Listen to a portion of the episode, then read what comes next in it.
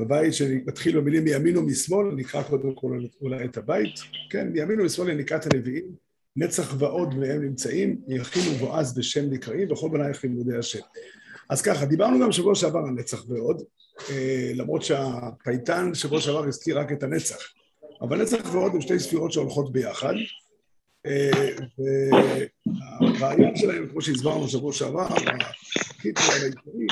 הוא לתרגם את המגמות שהונחו בחסד גבולת השופט, חסד דין ורחמים, למציאות של העולם שלנו.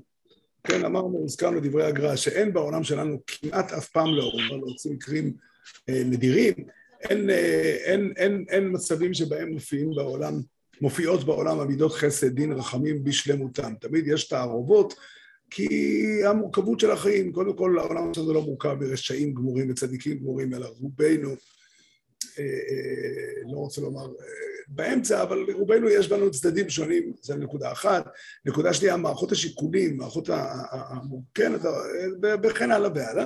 ולכן בעולם שלנו פועלות רק שתי הספירות הללו, נצח ועוד, שהן קו ימין וקו שמאל, אבל לא רק קו ימין ושמאל, ימין ושמאל זה נקרא חסד ודין, לא ימין ושמאל המקוריים, אלא ימין ושמאל המורכבים. זה, זה נקודה אחת כללית והרחבנו בזה שבוע שעבר. הזכרנו שבוע שעבר גם שמכאן מגיע סוד תורה שבעל פה. תורה שבעל פה, כמו שהגר"א אומר, היא בעצם לוקחת את תורה שבכתב, שם מופיע הרעיון בטהרתו, והיא מיישמת אותו בהתאם למציאות הרווחת בעולמנו. ומזה נוצרים כללים וחוקים וסעיפי סעיפים עד בלי די. הריבוי הגדול של תורה שבעל פה נובע מזה שהמציאות היא באמת מאוד מורכבת, כן? ו, ותמיד צריך לעשות שיקול, לא רק מה הדבר הנכון, אלא מה, ה, מה הדבר הנכון בתנאים שלנו. הבית שלנו, של היום, עסוק בצד אחר של התמונה. נצח ועוד משמשים גם כ... אה, אה, אה, איך הייתי אומר? כצינורות, כמערכות ש, שמתווכות לנו, לעולם שלנו, גם את השגת השם. וזאת אומרת, גם היכולת של האדם, אני לא מדבר על נבואת משה רבינו, נבואת משה רבינו היא סוגיה נפרדת, אבל נבואת שאר הנביאים היא כולה אה, אה, בנויה על זה שבני אדם נמצאים במקום מסוים, בסיטואציה מסוימת, והם אמורים לדעת משהו שהשם אומר להם, המשהו הזה הוא צריך להיות מותאם למציאות שהם נמצאים בה. וההשגה שלהם היא בהכרח לפי הנסיבות שבהם הם נמצאים. וזה עניינם של הנביאים, לכן הנביאים יונקים מנצח ועוד. ברשותכם אני אברך שהכל. אה, כמו שאמרנו, אפשר לענות על זה אמן. ברוך אתה אדוני אלוהינו מלך העולם, שהכל נהיה מתבורר. אה, כן, אז אה, זה בעצם מה שכאן אנחנו באים להגיד. הנביאים, חז"ל אמרו, זה מופיע בספרי פרשת שבוע שעבר, פרשת מטות, כתוב שם ככה, כל הנביאים כולם לא נתנאו אלא בכה אמר השם, הוסיף עליהם משה, משה בזה הדבר אשר ציווה, אשר דיבר השם, לא זוכר מה כתוב שם בתחילת מטות, אבל העיקרון הוא שכל הנביאים משיגים את הדברים כ, כ זה כמשה. עכשיו זה לא רק סתם כי הם, אפשר לנסח את זה ברמה פשטנית, הם לא כאלה נביאים גדולים ולכן הם משיגים בערך ולא בדיוק, אבל זאת לא הנקודה העיקרית, הנקודה העיקרית שעניינם הוא איך הדברים מתאימים לעולם של המציאות שהם נמצאים בה. יש לא הרי הנבואה של אה, נביא שנמצא עם עם ישראל בזמן שלמה המלך, בזמן של אה, שיא הרע בהשלמותה, כאילו הזמן השלם בהיסטוריה, כי הרי אדם שנמצא עם, אה, הנביא שנמצא עם עם ישראל בנהר כבר, בבבל. וכן הלאה. אז הנבואה היא תמיד צריכה לעבור, ההשגה האלוקית תמיד צריכה לעבור טרנספורמציה. כן, תרגום, התאמה,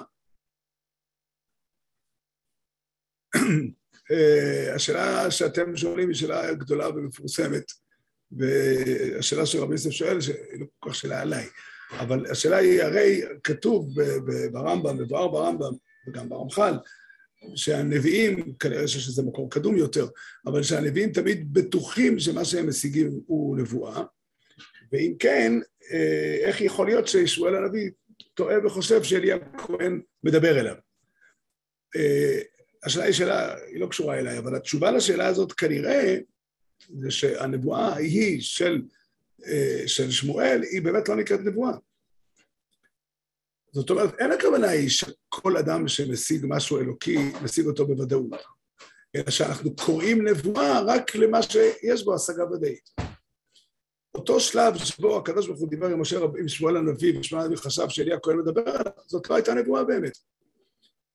כן, אבל אני קצת ארחיב בדברים בהמשך, כי יש פה באמת סוגיה מאוד... לא, רק שנייה, יש שם פן הפוך, יש שם בעצם פן הפוך, שברגע שהוא שומע דיבור, אז הוא שומע דבר ברור לחלוטין, לא כמו שהנבואה מתוארת, שמצד אחד היא השגה גבוהה מאוד, ומצד אחד היא כמו חלום, ממשהו לא ברור, תמיד לא. שיש, אני לא אני לא יודע לפרש כל פרשה, יש כמה פרשות. שנייה.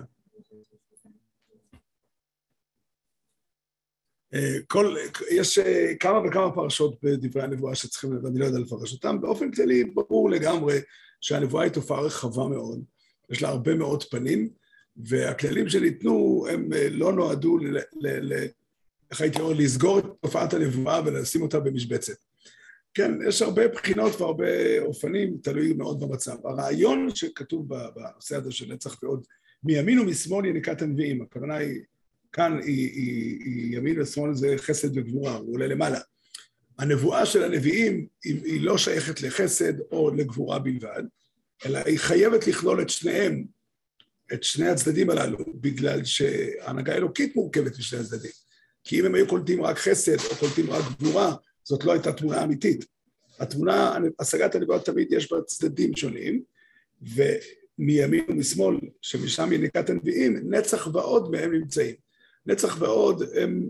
אה, נדרש בספר הזוהר על הרבה דברים, באופן כללי רוב הדברים הכפולים רמוזים בנצח ועוד.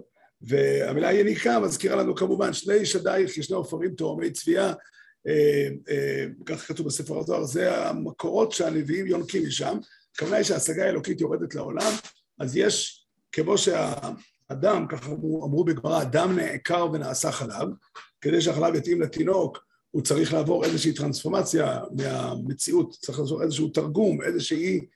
אה, תרגום זו המילה המתאימה. כן, איזושהי הפיכה ושינוי מהמקור, מהכוח המקורי שהוא לא מתאים לתינוק. הוא חזק מדי, עוצמתי מדי, עלול לסבך את התינוק. אז כדי להתאים את הדברים יש מערכת שנקראת נצח ועוד, שזה עניינה. עיבוד.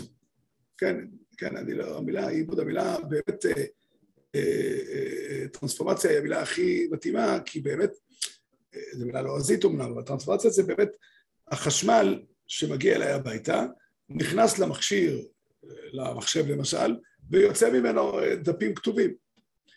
כן, הדפים הכתובים בעצם זו אותה אנרגיה של החשמל, כשהיא תורגמה והועברה למצב הזה. כן, זה, זה, זה, זה מאוד מאוד מעניין, כן, זה דבר, תופעה שקורית בהרבה צורות בחיים. גם הכוח הנפשי שלי, לצורך העניין, האהבה שאדם אוהב את חברו, יכולה להתבטאות בהרבה דברים.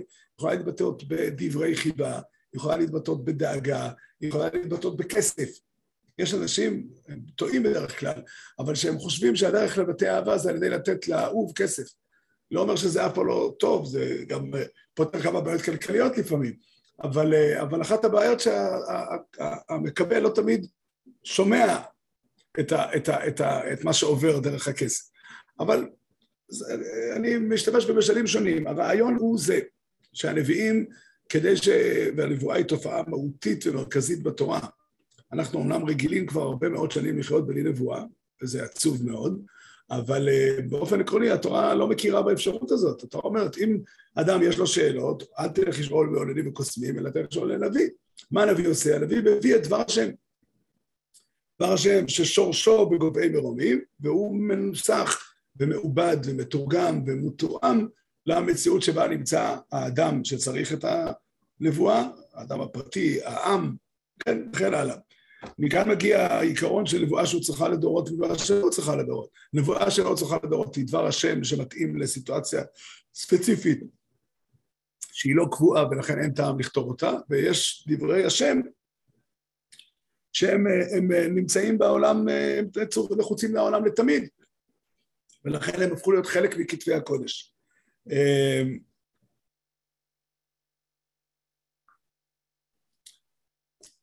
יש הרבה מאוד אה, אה, תורה שלמה כזאת שנקראת נבואה, מבואר ככה בדברי הקדמונים, שאותם בני הנביאים היו אנשים שהסתובבו על יד הנביאים ולמדו מהם את הדרך איך משיגים נבואה. יש התנהגויות שהאדם צריך להתנהג כדי להיות נביא, ויש, אה, זה דורש שהרמב"ם מעריך מאוד וכותב הרבה דברים, הוא כותב שאדם צריך להשתמש, ללמוד להשתמש בכוח המדמה, כי גם הדמיון הוא חלק מהנבואה, ודמיון מצד אחד הוא אויב של האמת וצריך אה, לשים לו גבולות, מצד שני, בלי הדמיון האדם לא יכול לתפוס, אה, לתפוס את הנביא לא יכול לתפוס את הנבואה, וכן הלאה והלאה, וכל זה נכלל בסוגיה הזו של נצח ועוד מהם נמצאים. יכין ובועז בשם נקראים, וכל בונייך לימודי השם. אז יכין ובועז קודם כל הם שני עמודים, עמודי אבן גדולים מאוד, ששלמה המלך בנה בתוך בית המקדש כדי להחזיק את המקדש. לעמוד הימני קראו יכין ולעמוד השמאלי קראו בועז. ושורש המילים הוא כמובן אה, יכין מלשון מכון, ככה הבית נכון עליהם, כן? ו, ובועז זה בועוז, כן? בו נמצא הכוח שמחזיק את הבניין. אבל כמובן הציטוט כאן, וזה מופיע כמה וכמה פעמים גם בזוהר וגם בספרים בספרים מקובלים אחרים, משתמשים במושגים יכין ובועז כמשלים. המשמעות היא שיש שני עמודים, נצח ועוד, הם שני עמודים שהעולם נכון עליהם. העולם כולו נכון עליהם. הכוונה היא, אותן דרכים, שוב, זה נכון גם ביחס למה שדיברנו שבוע שעבר, אותן הנהגות שהשם מנהיג בהן את העולם, הן מקיימות את העולם. החסד והגבורה, החסד והדין הרווחים בעולם בהתאם למציאות, בהם העולם תלוי. אבל כאן אני, הפייטן שם את זה כאן ואני רוצה לפרש את זה כאן. אותם דרכים שבורא העולם הכין כדי שיוכלו אלוקות לרדת לעולם, הם עמודי המציאות.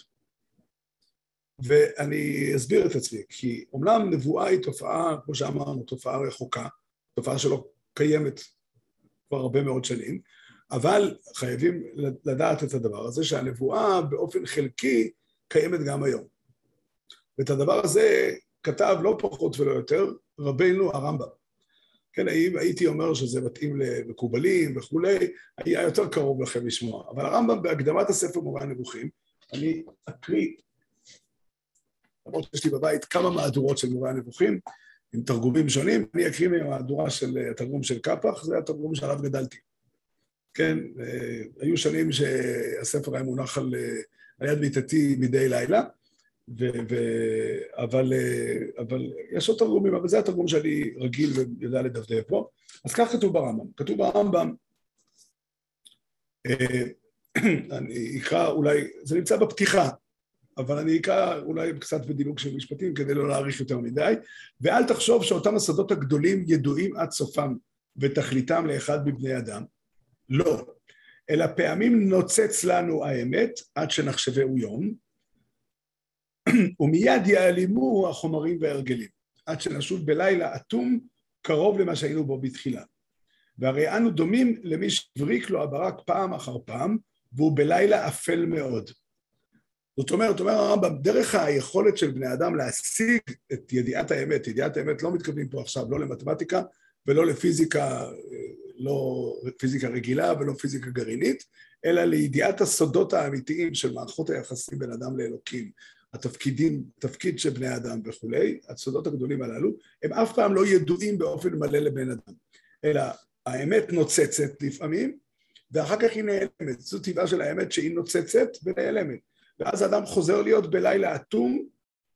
אני לא יכול לשכוח שמשה היה קורא את הקטע הזה ברמב"ם, מהתרגום של אבן תיבון, התרגום הישן, בלילה חזק החושך. כן, התרגום של אבן של קפח הוא יותר קרוב לשפתנו, לילה אטום. וכן, וכן, והרי אנו דומים למי שהבריק לו הברק, מישהו היה פעם בסיטואציה כזאת, אני פעם אחת הייתי ב... לא רחוק מהעיר כרמיאל, בלילה חורפי מאוד, גשום מאוד, מעונן מאוד, וגם הייתה הפסקת חשמל. באזור היה חושך מוחלט. ולרגע אחד היה ברק, והברק כמובן מועיל שנייה או שתיים, אבל, אבל, אבל בשנייה הזאת קלטתי את המרחב שבו אני נמצא. כמה אני רחוק ממקום יישוב, כמה אני זה, לא יודע כמה זה פרקטי המידע הזו, אבל התחושה היא שונה לחלוטין. באותו אופן האדם, ידיעת האמת העליונה, מאירה לאדם כברק ברגע מסוים, ואחר כך זה נעלם. כן? ו- ועכשיו אומר הרמב"ם, תדע לך שיש ממנו, הכוונה מאיתנו, מבני האדם, מי שיברק לו הברק פעם אחר פעם, עד שכאילו הוא באור תמידי בלי הפסק, ויהיה הלילה אצלו כיום. וזוהי מעלת גדול הנביאים, אשר נאמר לו, ואתה פה עמוד עמדי. זאת אומרת, אומר הרמב"ם, יש דרגה כזו של אדם שהברקים מגיעים, שימו לב שהרמב"ם נזהר, הוא לא כותב שיש אדם שהאור שמאיר לו הוא כמו שמש שמאיר בקביעות. גם למשה רבנו האור הגיע כמו ברק ועוד ברק ועוד ברק, כי עצם המציאות של היום, של העולם הזה, הוא חושך. הכוכבים נצנצו באלפיהם בחשיכה. הרמב"ם מביא את המשל של ברק, אתה יודע למה? כי הברק באמת הוא לשנייה. וצירוף של עוד ברק ועוד ברק, אם הוא לא עושה מכת חשמל, זה הרבה פעמים אור, אבל עדיין עצם ההוויה של, של המציאות היא חושך, ונאמר, אה, שנאמר ואתה פה עמוד עמדי, ונאמר בו, וזו תוספת מעניינת, לא, שם הייתי ליד כרמיאל ונהיה אור לשנייה אחת, וראיתי את המציאות, עד שהגיע האוטובוס לקח עוד שעתיים. אבל, אה, אבל, אה, אבל, סתם, כן. אני רק מדבר על הציור שאתה פתאום מבין שהאור, למרות שהוא לשנייה, הוא נותן לך משהו אמיתי, כי הוא נותן לך תמונה של המציאות. אתה לא יכול לבנות על זה שהאור ימשיך, אתה צריך לאסוף בשנייה של האור כמה שיותר נקודות, כמה שיותר נתונים, כדי לדעת איך לחיות. כדי לדעת איך לחיות. באותו, זה המשל. ומשה רבנו הוא אדם שהאור מגיע אליו כל הזמן, ונאמר עליו, משה רבנו מזכיר רמה פסוק נוסף, ונאמר כי קרן אור פניו. הקשר של הפסוק הזה לכאן הוא מאוד מאוד מעניין, כי הוא לא קשור לאור שמשה רבנו רואה. הרמב"ם אומר, תדע לך שזה שמשה רבנו חי במציאות הזו שיש ברק אחרי ברק כל הזמן, נובע מאיזשהו שינוי שקרה לחומר של עצמו. כי קרה לאור פניו. זה שמשה רבנו הפך להיות משהו אחר.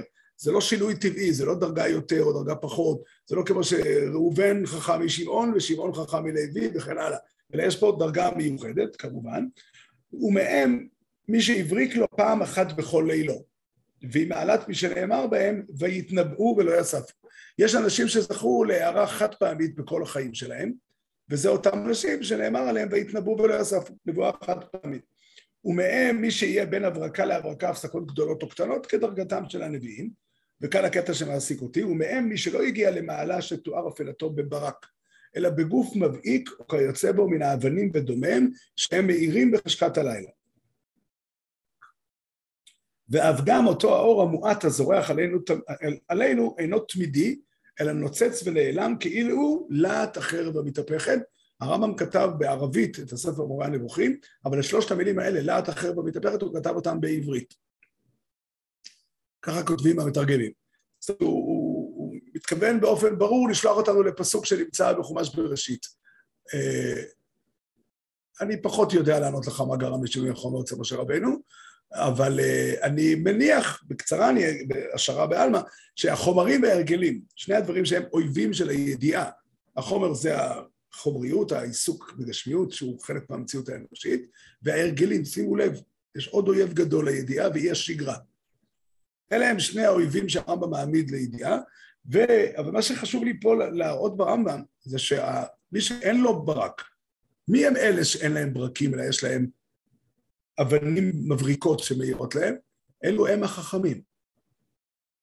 זאת אומרת, אומר הרמב"ם, תדע לך, גם הנביא וגם החכם שווים בעניין הזה שיש להם השגה, הערה אלוקית.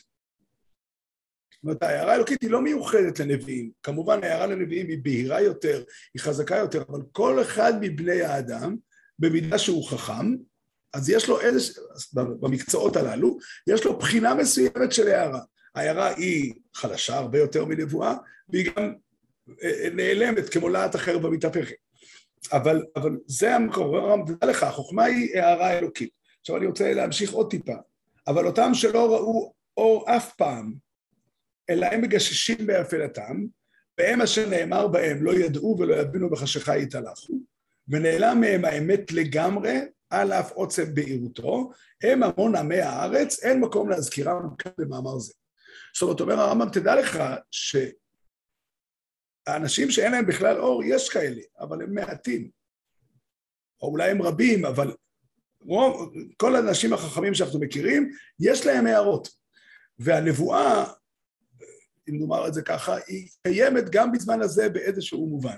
אני חושב שזה, ההשגות האלה, יש להם הרבה פנים. יש רגעים של תבונה לבן אדם שהתבונה שלו מתעוררת, יש רגעים, יש תפיסות מוסריות. כן, יש תפיסות מוסריות שהן שורש, נמצאות בשורש הנפש האנושית, וכל אדם יכול להגיד לך שבסיטואציה מסוימת הוא חי במקום מסוים, משהו בתוכו אומר, לא, זה לא נכון. צריך לדעת, הדברים האלה הם הערה אלוקית, שאולי צריך זהירות רבה לדעת מה הגבולות שלה ואיך אני יכול להחליט על פיה. אני לא הייתי ממליץ לאף אחד ללכת אחרי כל תחושה ולבנות עליה, אבל צריך להיות ערני ולהיות קשוב לתחושות האלה, להיות קשוב לחוויות האלה, כי הם יכינו בועז בשם נקראים. הם עמודי המציאות. אם היינו מדמיינים לרגע את העולם בלי ההשגות הללו, אם בני אדם היה ללמוד מהם מה לעשות, הוא שואל אותי, אוריאל, מה אני אמור לעשות איתם? כן, ללמוד מה לעשות. אם היה מרגיש בתוך ליבו שמשהו מסוים הוא יפה וטוב, לא לשמוע לזה באופן מוחלט, אבל להקשיב ולחשוב ולבחון, ואף פעם אל תגיד, הרגשה בעלמא, כלום, שום דבר. וגם להפך, אם בן אדם מתרגל לחוות אה, חוויות של, הוא מרגיש מצוקה, כן, תדעו לכם שאדם יכול לחיות לאורך ימים וחודשים, ימים ושבועות וחודשים ושנים, בתנאים לא נכונים. והנס שלו, שמשהו בתוכו מתעורר ומרגיש, לא, זה לא נכון. לפעמים משהו הזה מגיע בשינה. כתוב בגויין, לא, כתוב בגויין, אומרים שהגויין אמר שעיקר המושג שנבראה השינה בעולם איננה בשביל המנוחה, אלא כדי שיהיה לבני אדם עליית נשמה. אז היו אנשים, אני לא הכרתי אותם אישית, לא חושב שמישהו מאיתנו מכיר אותם אישית, שבאמצע הלילה הגיעו אליהם מלאכים מדהים ולימדו אותם תורה. אם הכרתם, אז אני מבקש סליחה, אבל uh, זה לא, זה לא מצוי כל כך. אבל אני חושב שלכל אחד מאיתנו יש בתוכו קולות שעולות בשינה, ואדם, הם, הם דרך בשביל להתבונן, להתעורר, לשים לב, האם המציאות שאני חי בה היא נכונה או לא נכונה. תנסו לדמיין לרגע אנשים שנמצאים באיזושהי מציאות שבה מישהו אה, עובד עליהם. נגיד קבוצת אנשים, יש להם איזשהו מנהיג שמוליך אותם שולל. משתמש במילה כת, כן? היו תופעות כאלה בהיסטוריה. הם עלולים לעוות את החשיבה שלהם לחלוטין. ההיגיון עלול להגיע למצב שהיגיון יסביר להם ויראה להם, יוכיח להם כל פעם מחדש כיצד אה, זאת האמת וכל המחשבות האחרות הם שקר ותרמית, הם מעשה רשעה, לא רוצה להשתמש במילה מניעות, אה, אה, וכן הלאה. אבל, אבל הדבר היחידי שיכול לעבוד, לפעמים יכול, דרך אגב, יצא לי כמה פעמים לפגוש אנשים שעסקו בלהציל אנשים שנכנסו לכתות, מאוד קשה. מאוד קשה בגלל שכל מה שאתה אומר לו, הוא מפרש את זה לפי דרכך, לפי דרכו. זאת אומרת, אם אתה מביא ראיות, דברים יכולים להוות ראיות, ודברים אחרים, אז אתה רשע. אתה אויב, אתה שטן וכן הלאה. אבל הדבר היחידי שיכול לעזור לפעמים זה שאתה מתעורר מהשינה, הוא מרגיש בבוקר משהו לא טוב. משהו פה לא נכון, משהו פה מעוות. כן, בוא נדמיין אדם שנמצא אצל הנאצים, והוא עסוק בלהרוג אנשים. אני משוכנע שאם הוא היה קצת יותר קשוב לקולות הפנימיים, אז אור השם היה מגיע אליו, אור השם הגיע אליו גם ככה, אבל אור השם היה מצליח להוציא אותו מהמצב הזה, היה מצליח לעורר אותו. והדרך של אנשים של בני אדם, להישאר בשקר היא לאטום, ולפעמים עושים את זה, אתה יודע, זה היצר עורק. כן, מה שמפריע לך, שאתה מרגיש לפעמים אי נחת מזה שמישהו סובל ממה שאתה עושה, זה היצר עורק. אז אני אומר, זה אף פעם לא יצר עורק. יכול להיות שלא צריך לשמוע לו. תמיד צריך להיות קשוב ולשים לב, והדבר הזה, זה נקרא יכינו ועד בשם נקראים, וכל בנייך לימודי השם. הכוח הזה של רצח ועוד, שהם שהוא בעצם מביא לעולם שלנו אה, אה, הערה אלוקית מכל מיני סוגים. שוב, זאת חוויה מוסרית, זה ההדר והיופי והעוצמה הנהדרת, נהדרת באלף, של, של, של הטבע. כן, לפעמים אדם עומד, זה, זה שם אותו במקום אחר. היכולת של קשר עמוק בין בני אדם, זה גם, כל אלה הם גילויי אלוקות. גילוי אלוקות הכוונה היא שמשהו מהערה אלוקית, שהיא שלום, אמת, משפט, צדק, כל המושגים הגבוהים הללו, מתרגם באופן חלקי, וצריך תמיד לדעת, אסור אף פעם ללכת שולל אחרי הרגשות האלה, כי אנחנו לא נביאים, והקולות שמגיעים אלינו הם מעורבבים והם עלולים להיות גם טעות, אבל צריך תמיד להשתדל להיות, לשים אליהם לב. והרמב"ם אומר לך, אותם אלה שעליהם, שאין להם אורות בכלל, עליהם אני לא מדבר. עליהם אני לא מדבר. עליהם נאמר לא ראו, לא, יד, לא ראו ולא יבינו, בחשיכה יתעלף. והם עמי הארצות, כן, עמי הארצות. לא יודע אם עמי הארצות כאן הכוונה היא אדם שלא לומד, אה, אה, לא לומד גמרא או, או, או לא, יכול להיות שיש איזה קריטריונים אחרים, אבל כדאי לפתח את היכולת. ואני רוצה לומר את זה באמת, התורה אומרת בפרשת אה, ואתחנן, נקרא את זה גם ביום שלישי, ביום ראשון הבא, באב, אה, אה, לא יום ראשון הקרוב, יום ראשון אחרי זה, אז התורה אומרת ככה, התורה מתארת איך נלך לגלות, והיא אומרת, וביקשתם משם את השם אלוקיך ומצאת כי תדרשנו בכל לבבך ובכל נפשך. אני מדלג פסוק, כי כל רחום השם אלוקיך, לא ירפך ולא ישחיתך ולא ישכח את ברית אבותיך אשר נשבע להם. כתוב פה דבר נפלא עד מאוד.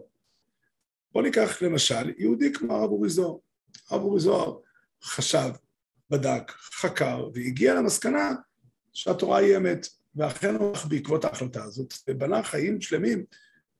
לא יאומן לחשוב לאיזה רמה של עבודת השם, של נאמנות לתורה, היהודי הזה הגיע. ובאמת, כן, אז אם אני הייתי מספר לעצמי את הסיפור, אז הייתי אומר, אורי זוהר חיפש, הוא חיפש ברצינות. הוא יכל היה לעשות לעצמו עבודה קלה ולא למצוא. אבל הוא עשה עבודה רצינית, ואכן הוא מצא. למה הוא מצא? כי כשאדם עובד ברצינות, אז הוא מוצא את האמת. אומרת התורה לא ככה, אתה יודע למה הוא ימצא? כי כל רחום השם אלוקיך, לא ירפך ולא ישחיתך, ולא ישכח את ברית אבותיך אשר נשבע להם. זאת אומרת, במילים אחרות, היה יכול להיות, היה יכול להיות, זה כאילו מדבר על זה במשל, ראובן ושמעון היו חברים טובים. יום אחד ראובן חטא חטא גדול לשמעון, והם הסתכסכו. יום אחד בא ראובן לבקש משמעון סליחה, הוא רוצה להתפייס איתו, יכול להיות ששמעון יגיד לו, מאוחר מדי, לא רוצה. יכול להיות שנגיד שמעון הוא איש טוב, נחמד וכולי, ולכן הוא כן יעשה את זה. אבל אנחנו מבינים לגמרי שהשלום, הידידות, לא תהליך שקורה אצל ראובן בפני עצמו, אלא הוא קורה בין ראובן לשמעון.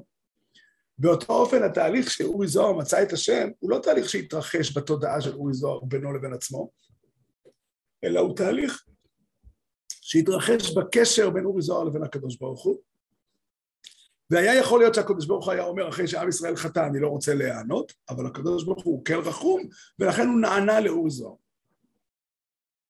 ואונקלוס מתרגם, וביקשתם משם את השם אלוקיך, ותתבעון מתאמן יד דחלתא דהשם אלוקיך. במילים אחרות, את, את המפגש עם השם.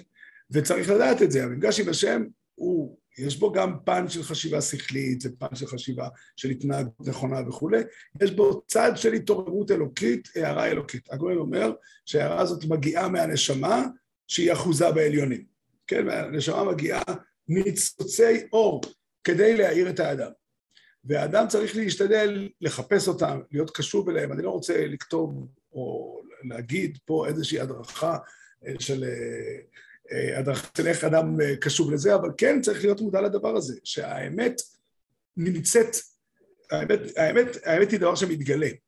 וכשהרמב"ם אומר בי"ג עיקרים, שאחד מעיקרי האמונה הוא שיש נבואה בעולם, אני תמיד תמדתי, למה זה, למה זה כזה חשוב? כדי לדעת שהיה נביאים? זו הנקודה. בוא נגיד שלא היו נביאים. משה רבינו, גאת משה רבינו היא דבר הכרחי, כי בלי זה אין תורה. אבל כדי להעמיד את נבואת ישעיהו וירמיהו? לא. כדי להעמיד את היכולת של בני אדם בכל הדורות כולם ליצור תקשורת עם השם. והרמב"ם אומר במורה הנבוכים שהקראנו אותו כאן, אומר הרמב"ם תדע לך, גם החוכמה בתחום הזה, לא החוכמה הפיזיקלית ולא החוכמה המתמטית, וגם לא החוכמה הלימודית, התורנית, אלא החוכמה שהיא השגת השדות הגדולים, השגת השם, היא, היא דבר, היא התגלות אלוקית, היא הערה שיש בעולם, ושורשה מנצח ועוד. ועוד נקודה שחשובה לזכור, את תחילת הבית של הפיוט. מימין ומשמאל יניקת הנביאים. זאת אומרת, השפע הזה, ההערה הזו שמגיעה, חייבת להיות תמיד מאוזנת בין חסד ודין.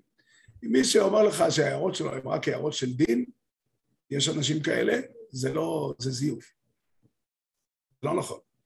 זה לא יכול להיות נכון. ומי שיגיד לך שהאות שלו זה רק חסד, רק אהבה, זה גם לא נכון. טבעה של ההתגלות האלוקית שהיא תמיד הולכת ביחד, יש בה חסד ודין, פירושו כן, יש תביעה. תביעה, ט',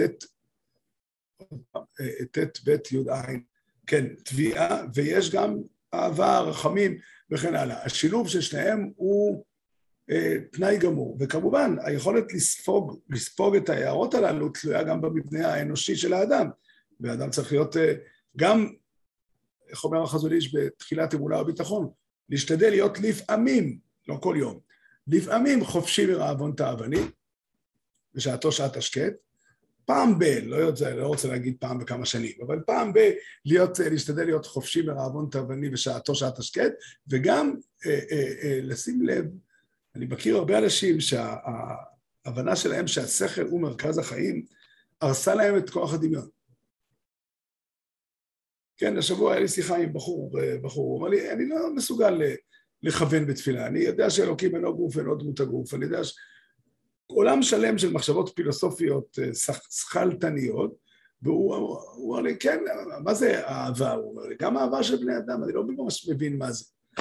כן, הוא התרגל, וזה יכול לקרות לבני אדם. השכל צריך לדעת, השכל הוא כלי מאוד מרכזי ומאוד חשוב, אבל, אה, אבל הדמיון הוא חלק בלתי נפרד מהאדם.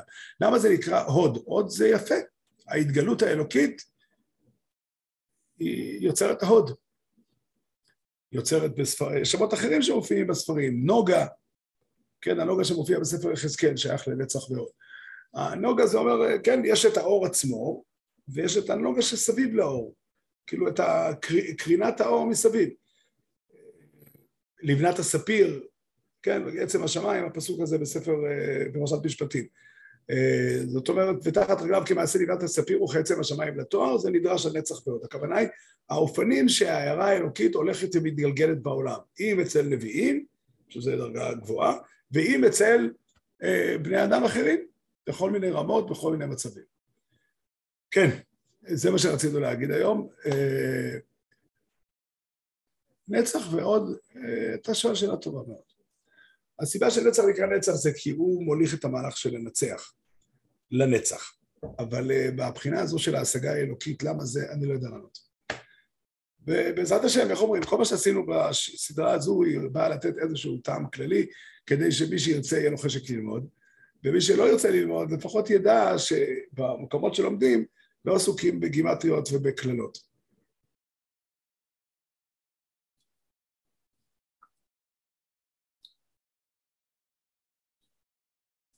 שאלה חשובה. אני, שנייה, אני רוצה להגיד עוד רגע לפני, ש, לפני השאלות, משהו על התוכניות בשבוע הבא. בשבוע הבא ביום שלישי יתקיים שיעור בגמרא למעוניינים. יש קישור מיוחד, אנחנו עושים בדף ז' עמוד ב' במסכת מכות. מתחילים בשנה חדשה, למי שרוצה. ביום רביעי יש שיעור פרשת שבוע, אין מה לעשות, אי אפשר לוותר על פרשת שבוע. ביום שישי הבא לא נלמד את הבית הבא. אלא נעסוק ב... ב... בתשעה באב. כן, בעזרת השם בתשעה באב גם להתאסף לתפילה ולקינות ביחד, מי שמתאים לו ורוצה, אה, השם יהיה איתנו. כן, אתה שואל שאלה על פרשת מסעי. אה, הרמב"ם כותב, אני יכול להגיד לך, וזה נכון, דרך אגב, שאחת הדרכים לקבל תחושה של האמיתיות של התיאור, אה, תלויה בזה. כן, זה, זה שאנחנו שומעים איפה, היהודי, איפה עם ישראל היה, עוד מקום ועוד מקום, חלק מהמקומות מזוהים עד היום, נותן תחושה חזקה של אמינות. אפשר גם להגיד דרשות, כן, דיברנו באחד השיעורים על המ"ב מסעות, שהם, שם מ"ב הוא השם של אה, העלייה של האדם כלפי מעלה, אבל זה כבר לא שייך לכאן. כן, אני לא יודע עוד סופית איפה, איפה יהיה האירוע, תבוא הודעה לציבור אה, אם האירוע בתשעה באב יהיה באותו מקום שהיינו שנה שעברה. בסדר, שבת שלום ומבורך. חודש טוב. תודה רבה, שבת שלום. חודש של נחמות. תודה רבה. שלום יהושע.